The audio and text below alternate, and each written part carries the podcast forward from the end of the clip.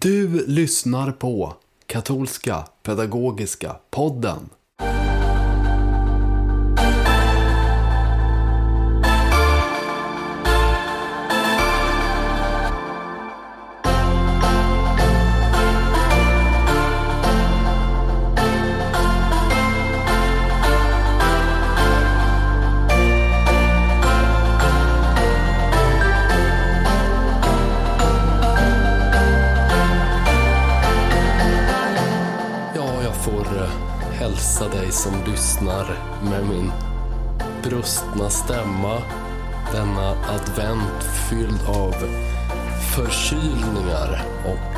Influensa och lite annat smått och gott. Välkommen i alla fall till katolska pedagogiska podden och det här är nummer nio. Jag heter Jim Lagerlöf och jag sitter här mol alena alldeles ensam i mitt eh, rum i Gamla stan.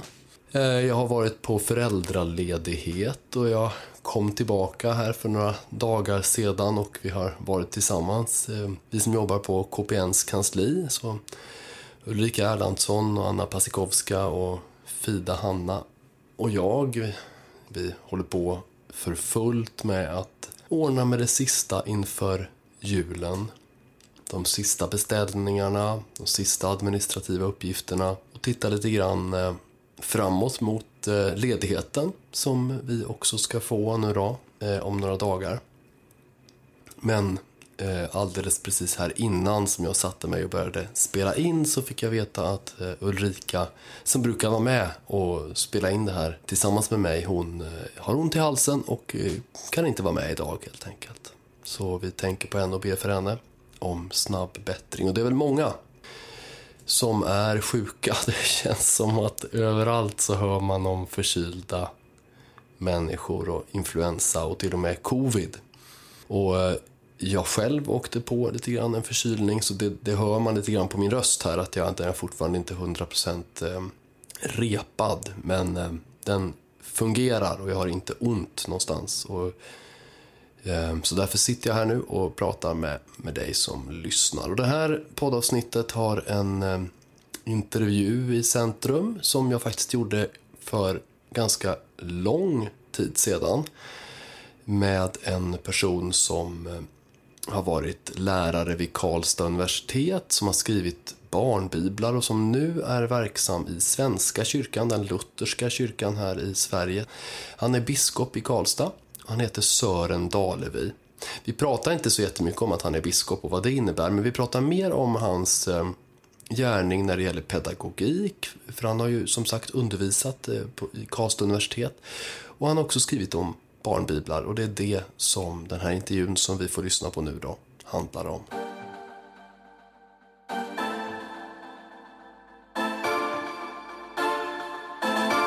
Du Sören har ju sysslat en del med frågor som har med undervisning att göra. Inte minst i kyrkan.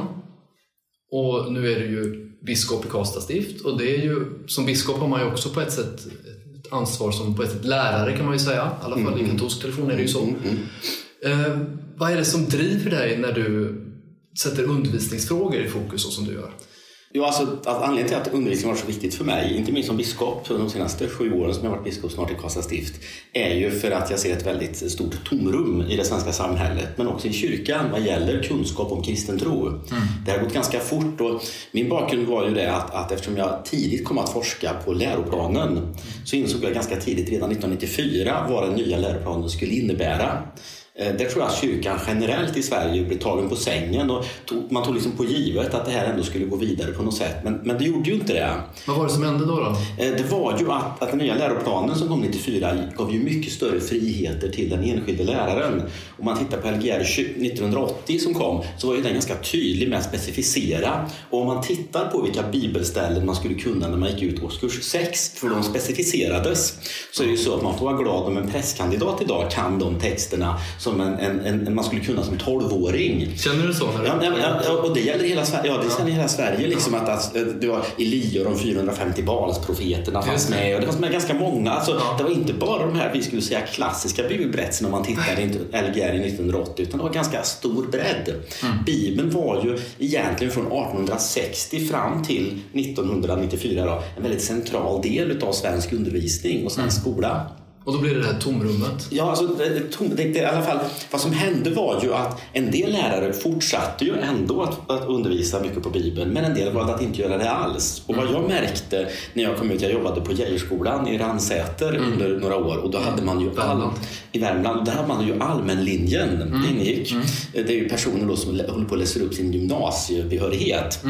Och då hade vi undervisning på världsreligionerna ingick i min, i min roll. Och då var det så att det här var ju personer som hade lite svårt för, de tyckte inte om prov och så. De hade liksom, man hade kuggat i gymnasiet och just så. Och det gjorde att första frågan på alla prov var alltid barnsligt enkel. Så när det var kristendomen då var första frågan alltid varför firar de kristna jul? Okej. Och, och det, där, det, där, det utgick jag från att alla visste. Du såg det som en enkel Ja, det, fråga. det, jag såg det som en väldigt enkel fråga. Och då var det en, en ung svensk 20-åring, eh, etnisk svensk, Ja. eh, som skriver då på provet därför att det är Kalankas födelsedag. Ja. Och jag, trodde, jag, jag, jag trodde han skämtade att han, han var satirisk, ironisk. Ja. Så jag, och han, hade, han var väldigt svag så jag tog in honom på lärarrummet och sa det. Liksom, att du, det här, jag, jag tar inte lätt på det här. Det, här, det, det är inget roligt liksom. Nej. När du presterar så dåligt som du gör och så, svar, och så eh, sitter du och är ironisk. Och, och då såg jag ju att han skämdes men av fel anledning. Alltså han trodde det var Kalankas födelsedag.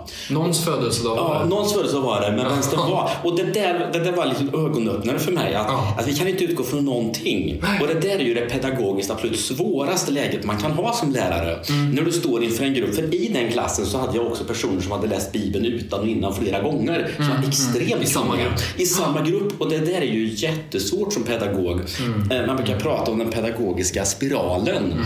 Att, att, man liksom, att man kunskap byggs upp så att säga. Och, eh, man, man, typexempel är ju grodan i biologin. Att när du går i ettan så läser fröken en saga om grodor och du vad heter det, sitter och, eh, och målar. Mellanstadiet så går du ut och tittar på grodor i dess naturliga habitat i en bäck eller något. Högstadiet får lära dig om amfibier, gymnasiet, du dissekerar grodor. Alltså, men det går inte att på årskurs ett eh, prata om amfibier eller dissekera grodor och det går inte heller att på högstadiet rita grodor för att det blir jättefrustrerande för dem som vet vad en groda är. Och det här är vad som, vad, vad som händer i en sån grupp är ju att var ska man lägga sig? Det, vad ledde det till tycker du? Det blev som en, för det är en pedagogisk utmaning. Ja, det är, en, det är nästan en omöjlig pedagogisk Ja. utmaning. Och jag var ju med sen, när jag var forskare så jobbade jag på Karlstads universitet och då kom det någonting som heter Läslyftet. Eh, och där, var, där var, hamnade man i samma situation. Att en del kom upp på högstadiet men hade lågstadiets Ja. Mm. kunskaper i läsning. Och det där skapade en extrem utmaning för lärarna. Så att där jobbade man med olika metodiker och så för att komma åt det här. Och, och, och det där tänkte jag att det där måste vi ju kunna göra kyrkan också. Att Ja. faktiskt eh, få en sorts Alltså det är liksom när man lägger ett tusenbitars pussel så ska man ju alltid börja med att lägga ramarna. För har man väl lagt ramarna då, då är det lättare att få in resten av, eh, av de här pusselbitarna. Men om du inte har några ramar utan man slänger ut 2000 bitar i ett pussel eller 1000 då är det ju helt, alltså, du, du förstår ingenting av det. Det blir inget sammanhang. Nej. Att det var på det här sättet då att många inte hade kunskaper kring mm. mm. bibelböckerna eller det som står i Bibeln. Varför var det ett problem för dig då? Mer än som pedagog såklart. Det är ju Ja. ett pedagogiskt problem om det är det man ska undervisa om. Ja, alltså, det, det var inte bara Bibeln utan det var kristen tro generellt alltså. Att man inte hade de här kunskaperna om. Och för mig så är det ju som kristen är det, en utmaning. Jag tror det är en av kyrkans viktigaste uppgifter att ge vidare till, till det uppväxande släktet. Men jag tänker också att även om man inte är kristen så är det intressant ur ett kulturperspektiv. Alltså även den här snubben från, från Stockholm där då som, som, som inte visste varför vi firar jul. Jag tänker att det kan vara berikande för dem att känna till varför vi firar jul och hur, det, hur den kristna traditionen har påverkat Sverige som land och sådär. Så att jag tänker att, att man har rätt till de här kunskaperna också av det skälet. Mm. Din egen bakgrund då, för att du växer du upp i ett kristet sammanhang? Eller är de här berättelserna självklara för dig i din barndom? För mig var det självklart, för jag växte upp med söndagsskolan. Liksom väldigt många gjorde, eh, även på 70-talet när jag växte upp. Eh, Alltså söndagsskolan, när jag gjorde min doktoravhandling om barnbiblar så, så tittade jag på söndagsskolan på 1950-talet i Sverige. Och då gick ungefär en halv miljon barn i söndagsskolan i en befolkning på sju miljoner. Det innebär att en hel generation svenskar vart totalt genommarinerade i kristna berättelser. Och allt det här ser vi ju när vi tittar på de stora svenska författarna mm. från, från den här tiden. Alltså P.O. Enquist, eh, Göran Tunström, Birgitta Trotzig, you name them. Alla de här är ju så oerhört bibelsprängda. Just det på något sätt för att förstå sin egen kultur så har man nytta av det här, tänker du? Ja, jag tänker det. Alltså, alltså att även om du inte är intresserad utav, av bibeltexter så, eller tycker att, att, att, att kristendomen inte är någonting för mig så, så kan det också vara värdefullt att kunna läsa Torgny Lindgren och hitta alla bibelallusioner som finns där eller mm. Göran Tunström eller vem det nu är. Men eh, ibland säger man ju att unga människor, eller människor i allmänhet, inte läser så mycket i allmänhet. Då kanske de inte heller, om de inte läser de här böckerna, då då ser de på film mm. och där är läget detsamma. Eller de går in i en kyrka. Mm. Eller de, och jag tror också att vi har behov av en, en sorts, en sorts andlig... Liksom, man, vi behöver de här berättelserna. Mm. Eh, och det, det tror jag man börjar inse i samhället brett. Mm. nu och inte bara vi i kyrkan utan, utan det, det har ju hänt någonting med det kulturklimatet i Sverige sista året. Mm. I Europa mm. faktiskt. En, en sorts insikt om vikten av de här jag tänker, Hartmut Rosa kom ut med en bok härom året som heter Demokrati braucht religion. Alltså mm. demokratin mm. behöver religionen. Kom förra året. Eh, faktiskt ett tal han höll på, på en katolsk stifts, eh, stiftsjubileum tror jag det var. Mm. Eh, Würzburg tror jag det var. Ja. Mm. Han betonar de här, den här betydelsen. På ett sätt, man kan ju tänka så här som, som kristen också då, man kan ju läsa Bibeln på olika sätt av olika skäl. Jag minns eh, när jag träffade dig första gången, då, då var det att du läste, också, inte minst som intresserad av språk. Mm, Bibeln mm. har ju hebreiskan och grekiskan då, som sådana grundspråk. Ja. Är det så fortfarande att du hinner med det? Ja, alltså det har jag prioriterat. Jag börjar varje morgon, inte idag för idag åkte jag buss och tåg tidigt ja, från upp till Uppsala. Men normalt sett försöker jag ägna en kvart, 20 minuter på morgonen åt att läsa Bibeln på hebreiska eller grekiska och sen brukar jag också ha en liten bönestund för mig själv. Mm. Jag försöker hålla det där. Eh, vissa tider går det bättre än andra. Eh, ibland har man ett väldigt intensivt schema. Men jag försöker hålla den där rytmen. Varför gör du det? Eh, dels för att jag, jag mår bra av det själv. Att det, det ger mig så mycket. Men också för att det, dessutom så ger det ju liksom en sorts intellektuell stimulans. Inte bara andlig stimulans utan en intellektuell stimulans. Och jag, och jag tror egentligen att det intellektuella och det andliga hänger ihop ganska mycket. Mm. Men det gör också, jag vill tro att det gör att jag predikar bättre, jag är mer påläst. Jag, min, min strategi är att jag försöker plöja en bok per termin. Mm. Så nu så till exempel så var vi, vi var med biskopsmötet i Tisea mm. och då plöjde jag faktiskt under den veckan Jona bok på hebreiska. Ja. Den är lagom ja. koncis ja. Eh, och det var en fantastisk upplevelse. Mm. Det är ganska kul att läsa. Jag ska vara ärlig och säga att Jona bok har ganska enkel hebreiska, okay. bakligt enkel hebreiska. Så det, det, det, är inte så stor prestation som man tror. Den, den bestod, räknar ut, på 870 ord på mm. hebreiska. Ja, okay. Fyra kapitel och kort och så. Men, men det, det, det, det, det har gett mig mycket. Att jag, på det sättet så har jag också plöjt i stort sett hela Bibeln. Under, för att hinner man med en bok per termin då är det två böcker per år. Och om man håller på med det 20-30 år då kommer man ganska långt. Mm. Det var inte så roligt när jag kom till tredje Mosebok, men det är en annan historia. och ni som inte vet eller förstår varför det inte var så roligt, ni kan läsa tredje Mosebok mm. och titta vad det står där. Men jag har ju träffat dig i första hand som, innan du blev biskop ja. i i Karlstad stift i Svenska kyrkan, då, då jobbade du på Geijerskolan som du mm. nämnde förut. Det är en folkhögskola i Värmland, mm. i Ransäter. Ja. Det, jag, det största det intryck som du gav mig, det finns några få lärare som jag har träffat. Jag är ju väldigt intresserad av hur lärare är, lär, hur man är som lärare eftersom jag själv har den bakgrunden också. Ju. Det finns ju en sak som jag tänkte på då, det är att du har ett otroligt tålamod som pedagog. Mm, mm. Några få lärare har det. det tror jag är en stor gåva.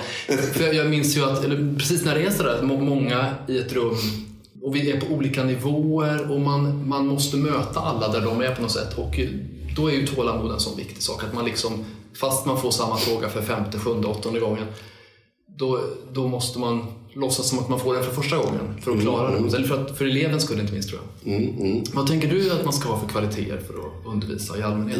Ja, alltså, när, jag, när jag var på Karlstads universitet så satt jag med i styrelsen för det som heter Centrum för de samhällsvetenskapliga, ämnen, de samhällsvetenskapliga ämnenas didaktik, CSD.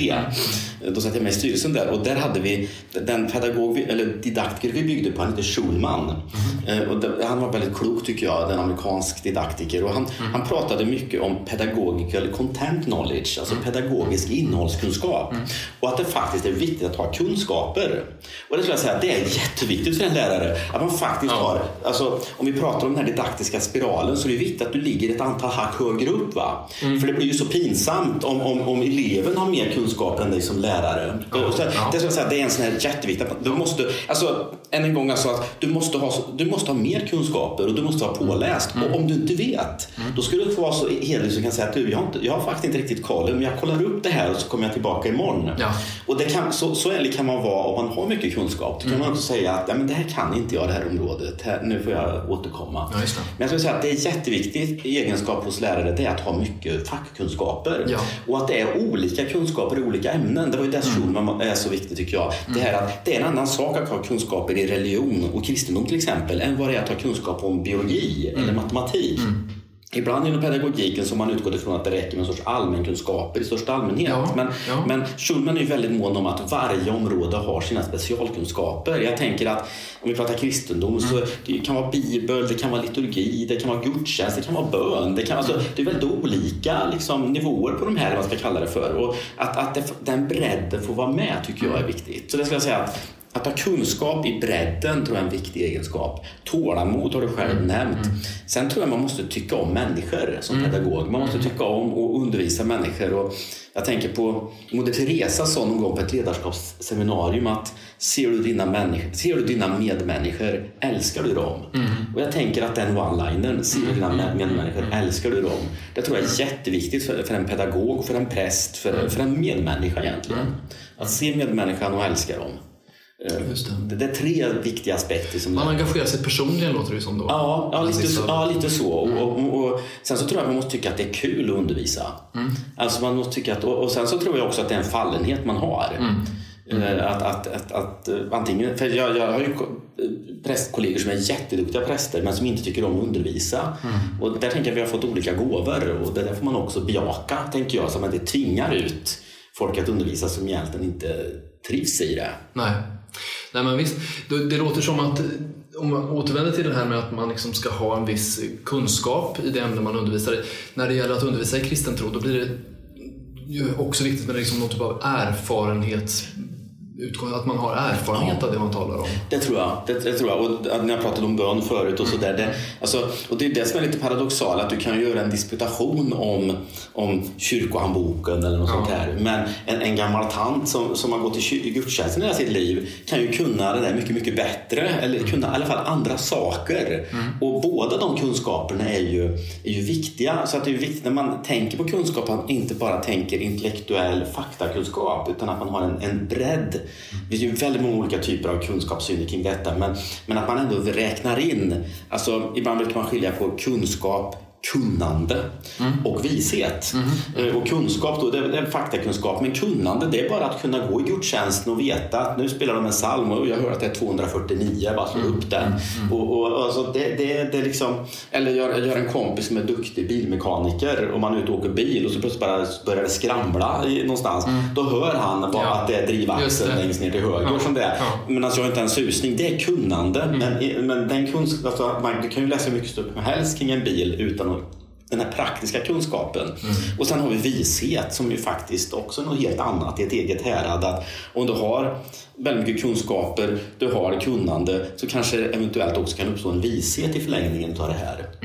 Du kan liksom, när man träffar äldre människor så tycker jag ibland att man kan få, liksom, de kan säga saker som är så självklart. Eh, Det bygger på livserfarenhet och så. Då, då bara slår den liksom att ja, men så är det ju. Det är en vishet. Inte en boklig kunskap, inte en praktisk kunskap utan bara, de är bara visa. Liksom. Just det. Din forskning, för du har också forskat en del. Eh, Det är ju barnbiblarna som har varit i centrum där. Barnbibeln kan man väl tänka på på olika sätt.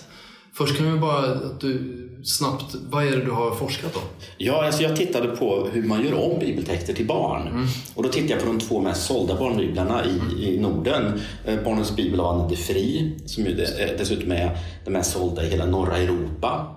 Eh, och så tittade jag på Börnebibeln, en dansk barnbibel som var den mest sålda i Danmark. Mm. Och som också har spritts i Sverige och Danmark och Norge och sådär. Så att det, det var två spridda barnbiblar. Och, och så tittade jag, hur gör man om bibeltexter för barn? Mm. Vad läggs till? Vad tas bort? Och sådär. Och, och så förde jag lite resonemang där. Så, att, så att det, var, det var liksom doktorsavhandlingen.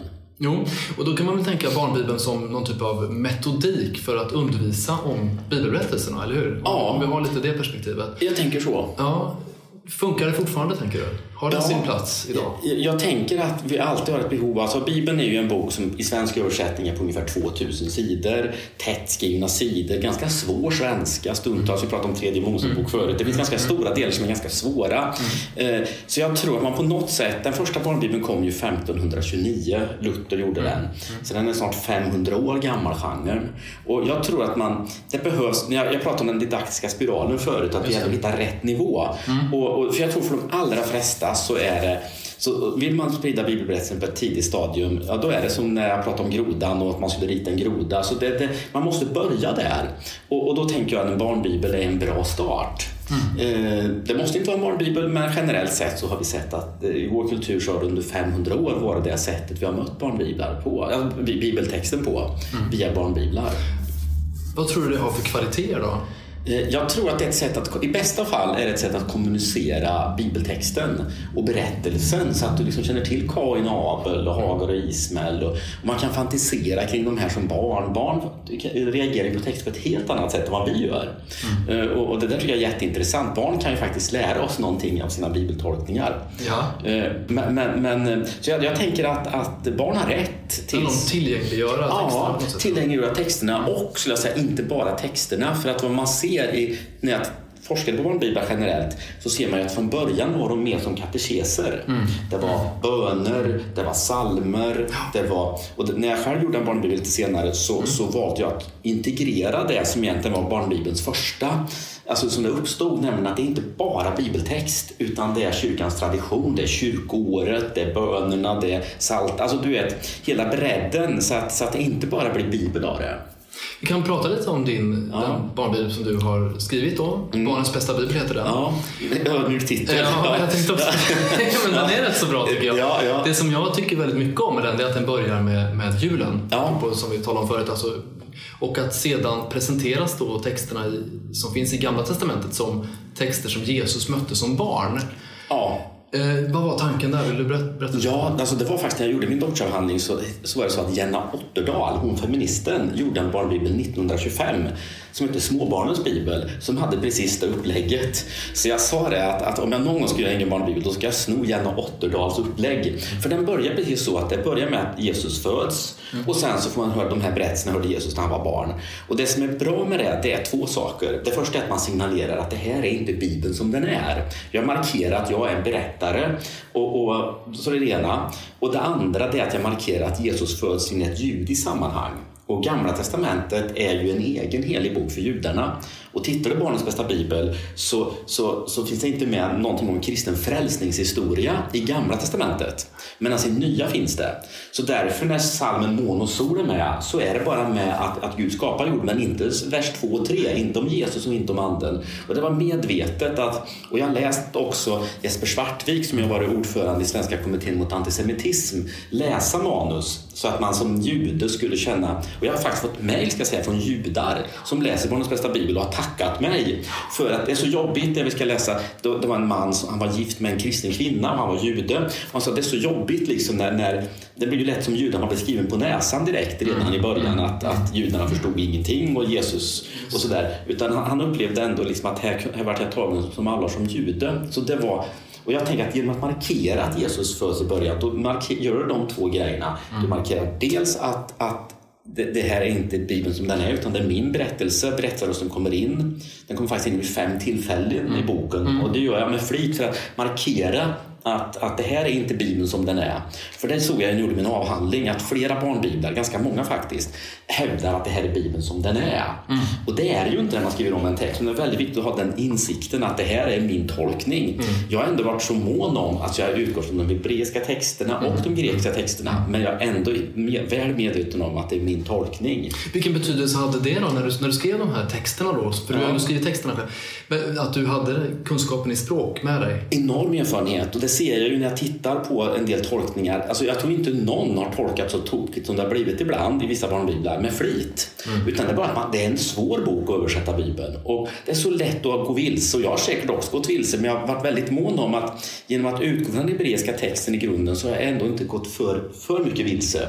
Och när jag tolkar, vilket jag gör, ibland går in och nästan predikar som i berättelsen om Kain och Abel, då är jag väldigt explicit. Men då är jag också tydlig med att det blir så tydligt att nu kommer berättarrösten in här igen.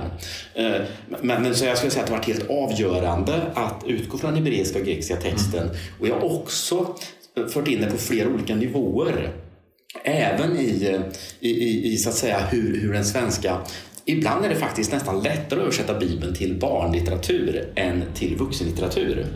Eh, till exempel i skapelseberättelsen så, så står det på ett ställe där att i Bibel 2000 står det att allt var öde och tomt.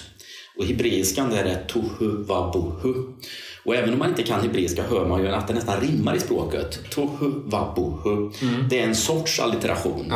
Eh, och då insåg jag ju efterhand att vi har ju en svensk eh, allitteration eller lite, som, som är huller om buller. Ja, just det, just det. Som också rytmiskt nästan låter som tohu vabuhu. Ja, ja, huller om buller. Och då skriver jag in huller och buller. Mm. Att, och jag håller på att översätta Jona bok nu för vi ska göra Jona bok som, äh, mm.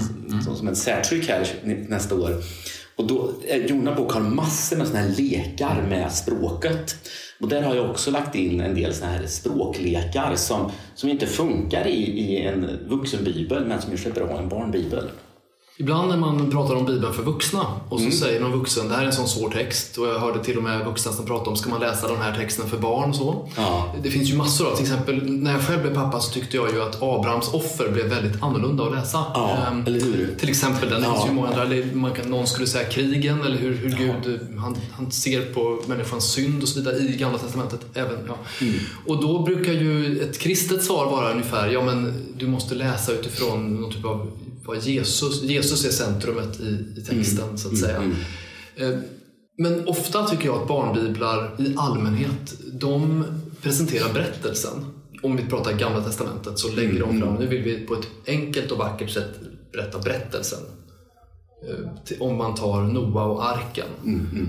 En kristen skulle kunna säga så här, arken är en bild av kyrkan och syndafloden, det är, mm. ja, det är verkligen ja. synden och här, liksom, att ni som är på båten, ni är i kyrkan räddade på väg mot det eviga mm. livet. Hur tänker du, den här frågan har jag inte dig i förväg, men Nej. kan du inte reflektera lite grann kring, kring den här spänningen? Liksom? Dels var jag ju väldigt mån om, jag såg ju när jag gjorde min avhandling att många moderna barnbiblar viker för de svåra texterna. Mm. Alltså Kain Abel är inte med eh, och, och, så vidare.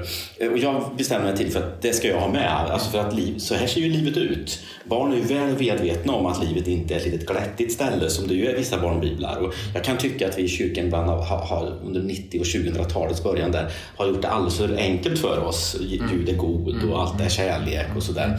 Ehm, men, men, eh, och jag tror att det är viktigt att man faktiskt får bearbeta de här frågorna. Jag, när jag gjorde min avhandling så jobbade jag med en judisk berättelseforskare, som, som en teoretiker som heter Bruno Bettelheim. Han har skrivit en bok som heter Sagans förtrollande värld. Och han menar ju att hemska berättelser är ett sätt för barn att hantera en komplex verklighet.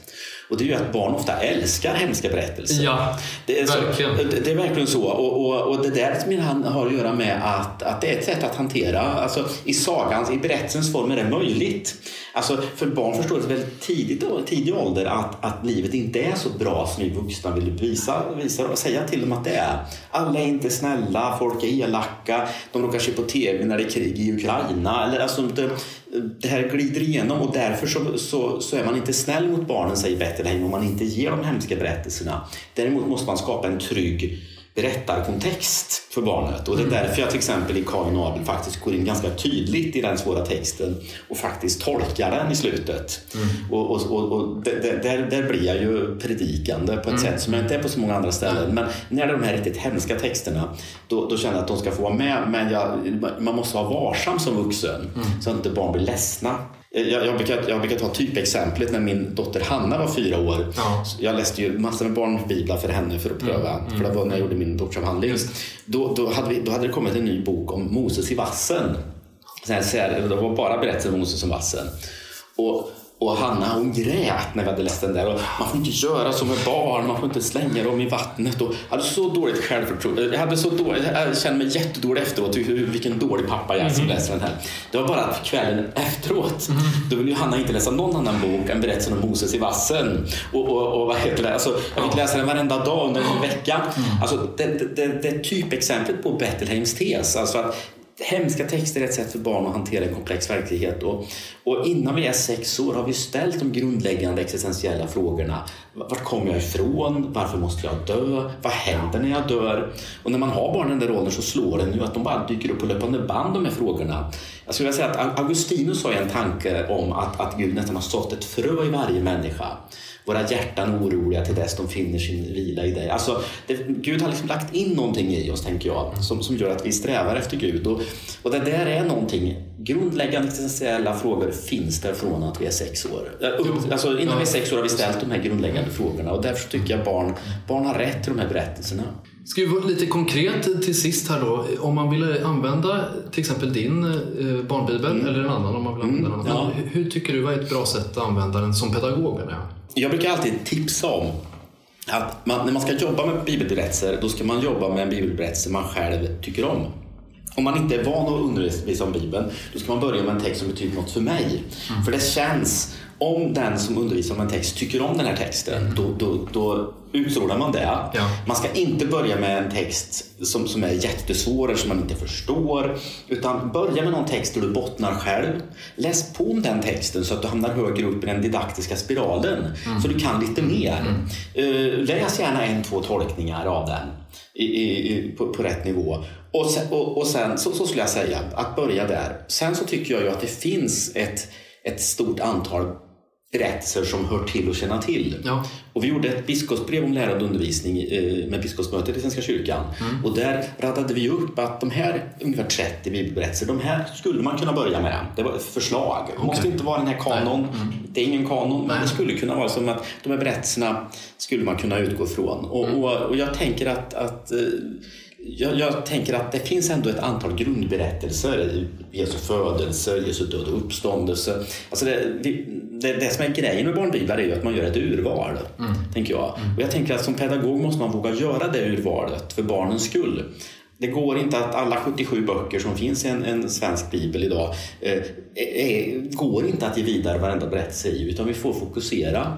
Och då är ju trösten att om vi tittar historiskt så har det ju alltid varit så att det har varit en dominans för första Mosebok, andra Mosebok, Saltaren, Jesaja, Matteus, Lukas och Johannes och något Paulusbrev. Mm. Alltså det, det, det, har inte varit 77 böcker utan snarare sju mm. som man har gett vidare. Och det där tänker jag att det där kan man, borde man reflektera mer över i kyrkan. Att, att vi faktiskt kan man kan faktiskt göra ett urval och sen så kan vissa sådana som jag läsa tredje Mosebok. När vi har, men så generellt så tycker jag inte att barn ska behöva göra det. Vill du hälsa någonting till de som eh, undervisar barn och ungdomar olika sammanhang i Sverige? Jag skulle säga att, att det, det, man gör är, det, det, är jätteviktigt att undervisa om kristen tro i, i alla sammanhang och, och att, att det, fortsätt att göra det, gör det med hjärta. Eh, var kunnig i, i det du undervisar, var påläst om det du gör eh, och bry dig om eh, barnen som du undervisar om. Det, det är liksom nyckeln till framgång och det finns inget viktigare än att undervisa om de här frågorna. Stort tack för att du ville vara med i den här intervjun. Ja, men tack Jim, kul att vara här.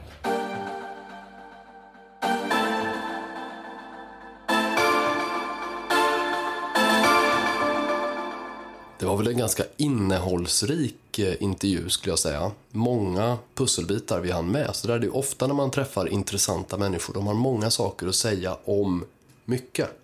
Eh, och just Sören, han var ju min lärare för länge sedan så vi har också det här, någon typ av gemensamt förflutet och jag är ju också lärarutbildad så det här, just det här med pedagogik och lärarrollen är väldigt spännande för mig att tänka på. Och jag tycker det kan vara intressant att fundera på det som kateket, liksom. Vilken möjlighet har jag i min roll som kateket att påverka gruppen, att eh, bidra utifrån mina gåvor, mina förmågor. För det är ju Gud som sänder just dig, just mig, till ett visst sammanhang och då vill han väl att vi ska använda de gåvor som vi har fått. Tålamod kan vara en sån sak, att vi läser på ordentligt, absolut. Men sen är det ju vår kärlek och vår värme, vår vänskap, att vi erbjuder på något sätt vår vänskap, våra böner eh, till, till barnen och de vi undervisar. Det är liksom A och O på något sätt. Och att vi eh, visar att eh, tron är viktig för oss, att eh, mässan är viktig, att, eh, att kyrkan är viktig och att Jesus betyder någonting personligen för oss. Att eh, barnen ser det, att ungdomarna ser det. Sen så är det väl så att jag menar Svenska kyrkan, de har ju varit statskyrka i Sverige. Svenska kyrkan bär också väldigt mycket av kulturarv och det handlar inte bara om att man eh, värnar om en kristen inriktning utan det kan handla om på något sätt samhällsansvar lite, lite i allmänhet. Så vi har ju inte helt samma förutsättningar och utgångspunkter som vi som är katoliker i Sverige. Men vi kan ändå ibland eh, lära oss saker av varann och just den här barnbibeln som Sören Dalevi har skrivit, jag, jag kan verkligen rekommendera den. Jag tycker den är väldigt vacker och den fungerar bra Eh, med flera åldrar. Bilderna också, väldigt speciella bilder. Bilder att fastna i, att liksom lägga märke till. Ibland skulle någon kanske, kanske säga att de är lite, lite vanvördiga eller lite åt det här lite busigare hållet. Och Jesus kan se ganska annorlunda ut. Men, men det är mycket humor och jag tror att barnen mm, på, på ett fint sätt kan, kan uppskatta de här bilderna. Och det, det kan också vi vuxna göra faktiskt. Bilder är ju väldigt viktiga i, eh, när, vi, när vi läser för våra barn. Och biskopen tog upp eh, flera gånger här att det handlar ju liksom om på något sätt vår kulturhistoria, att det är viktigt att, att många i Sverige kan bibelberättelserna. Och det, det, kan det ju vara på någon typ av allmänt plan. Eh, för oss katoliker så handlar det ju om att eh, berättelserna, Guds ord, är på något sätt, de har en sakramental karaktär. Det är Gud som vill prata med oss genom de här texterna. Och på något sätt att ofta ha de här texterna nära till hands, att idissla dem, tugga på dem, ofta läsa dem, relatera till dem på olika sätt. Då gör vi dem till liksom Guds tilltal är med i våra liv ofta. Och det är inte dumt. Våran biskop, Anders Arborelius, han har ju ofta påpekat det att om det är någonting vi ska lära oss utav våra protestantiska eh, syskon så är just det här att oftare ta upp Bibeln och läsa i den. Sen vet jag inte hur det är med protestanterna nu för tiden, hur mycket de läser i Bibeln, men, men de stora väckelserörelserna som har varit här i Sverige, de handlade ju väldigt mycket om att eh, var och en ska ta upp sin egen bibel och läsa. Sen så är det klart att egen bibelläsning, det kan behövas och det kan behövas i bönelivet och i familjen. Men vi, vi kan aldrig ersätta läsningen som vi gör tillsammans i mässan eller eller tidebönerna. Ehm, alltså kyrkans läsning är liksom först och främst, men det är klart att vi behöver koppla ihop oss med den, koppla in oss och för, förstå vi också, vara med vi också på olika sätt och försöka lära oss lite grann och som Sören Dalevi var inne på, det är inte dumt att som kateket också ibland titta i en bibelkommentar. Och jag kan rekommendera en väldigt fin eh, hemsida, i alla fall för dig som kan eh, engelska. Biblos.com heter den biblos.com och där finns liksom Bibeln vers för vers med massor av kommentarer på väldigt många olika språk och översättningar. Och eh, på grundtexten också för den som är sugen på det. Både grekiska, hebreiska finns det där att liksom verkligen om man är en sån som vill fördjupa sig. Och det presenteras på ett ganska lätt eh, tillgängligt och användarvänligt sätt. Och du kan läsa om liksom vers för vers vad, vad olika bibelexperter eh, och forskare har, har sagt genom åren. Och många olika bibelkommentarer, stor, stor bredd. Så det eh, kan jag rekommendera för den som vill fördjupa sig lite grann i liksom, sin egen bibelläsning. Annars finns det ju den här fantastiska podden, också för dig som kan engelska. The Bible in a year. Och det var ju den här amerikanske prästen eh, Fader Mike Schmidt som eh, förra året gav ut ett poddavsnitt om dagen om, där man liksom läste Bibeln eh, från början till slut under ett år. Så det kan jag rekommendera om du kan engelska. Eh, kan du inte engelska så finns det säkert eh, motsvarande på, på språk som du kan. Kanske finns det en polsk eh, variant eh, eller en spansk eller eh, liknande. Men att oftare titta i sin bibel, att bekanta sig, fördjupa sig själv. Det tycker jag är en viktig uppgift för oss som är kateketer, att bli förtrogna med Guds eget tilltal, Guds ord till oss.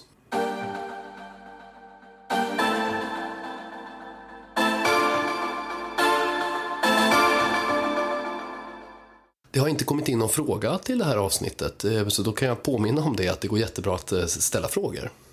Att eh, mejla till oss eller att skriva på Instagram kanske i ett, i ett DM. Mailadressen är kpn katolskakyrkan.se och eh, fråga vad du vill så får vi se om, om vi har chans att svara.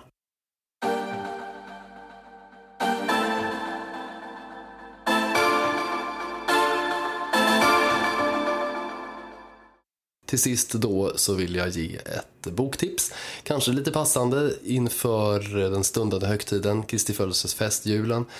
Eh, nämligen Selma Lagerlöfs eh, novellsamling Kristuslegender. Ja, visst, Selma Lagerlöf eh, levde på 1800-talet, början av 1900-talet i det lutherska Sverige. Men hon är väldigt inspirerad av katolska helgonlegender och katolska eh, Kristuslegender. Så här kan vi läsa om eh, både den första julnatten och vi kan läsa om fågel Rödbröst som kommer till Jesus på korset och vi kan läsa om eh, den här kvinnan Veronica som ju torkar Jesu ansikte med, med duken och flera olika, eh, både som har att göra med den, den första julen och den eh, heliga familjen när Jesus är liten men, men också annat som anknyter till frälsningshistoriens eh, centrum där. Så Kristuslegender heter boken och det är Selma Lagerlöf som har skrivit den.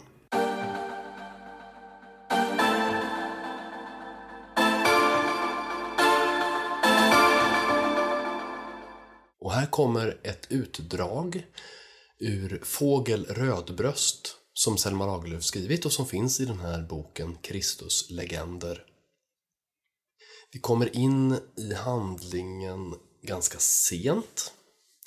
Den här berättelsen handlar om att Gud, när han skapade världen, så gav han såklart djuren namn.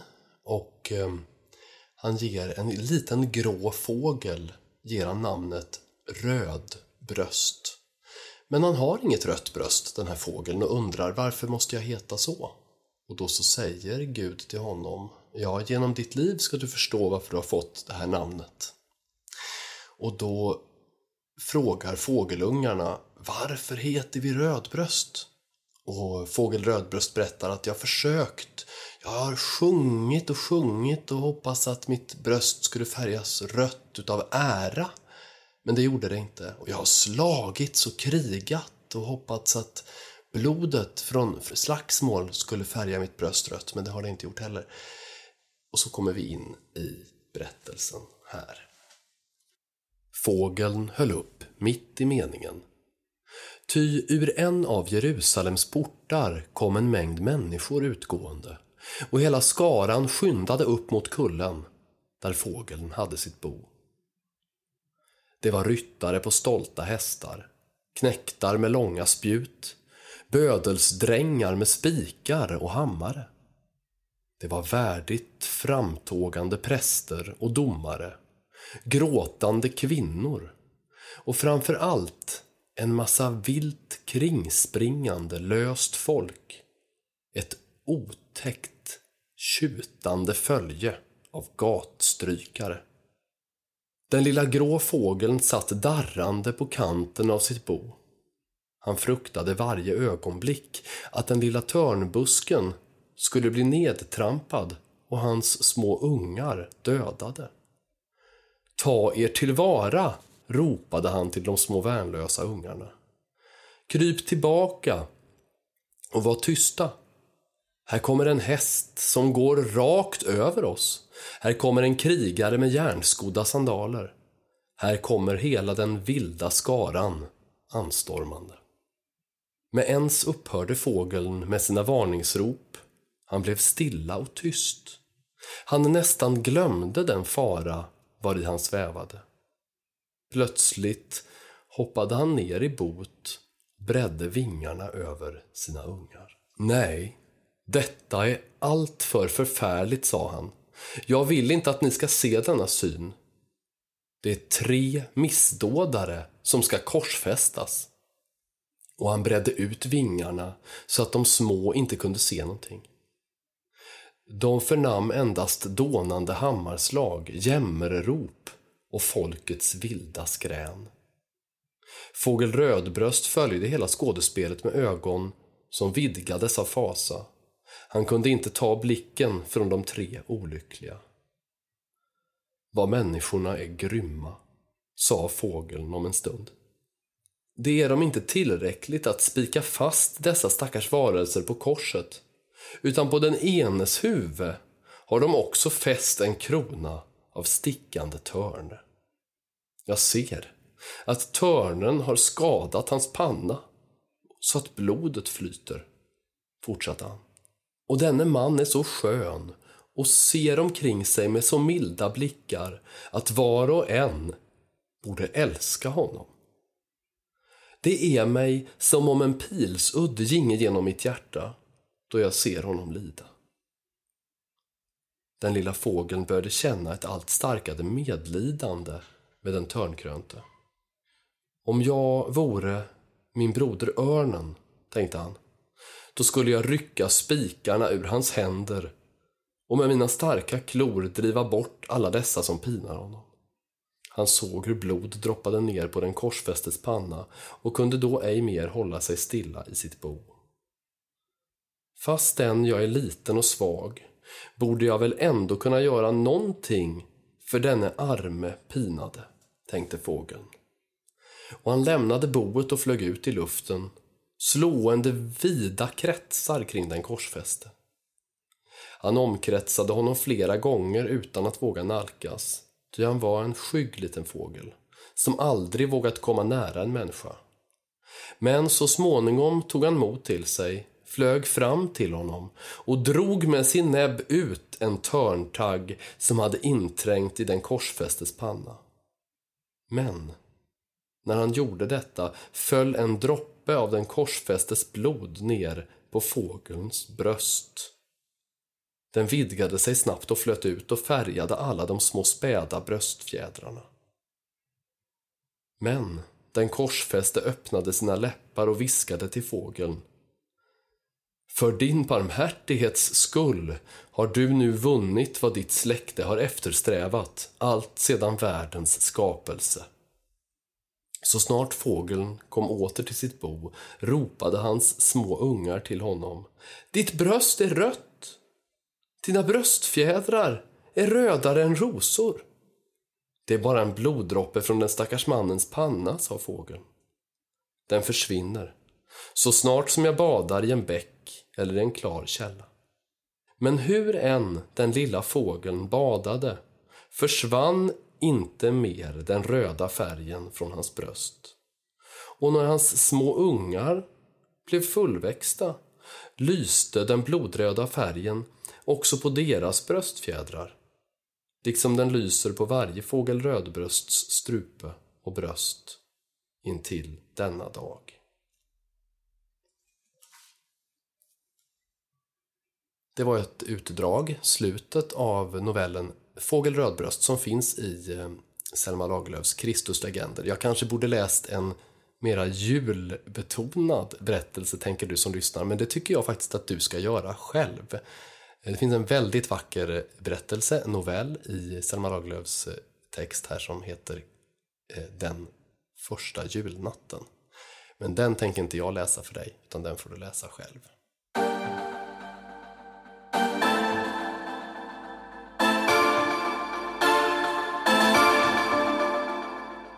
Så då har du lyssnat på det nionde avsnittet av Katolska Pedagogiska podden. Ett lite annorlunda avsnitt eftersom Ulrika Erlandsson var hemma med halsont idag. Men jag hoppas att eh, du som lyssnar har fått ut eh, någonting gott av det här i alla fall. Och med de orden vill jag önska dig ett välsignat slut på adventstiden 2023 och en riktigt god jul.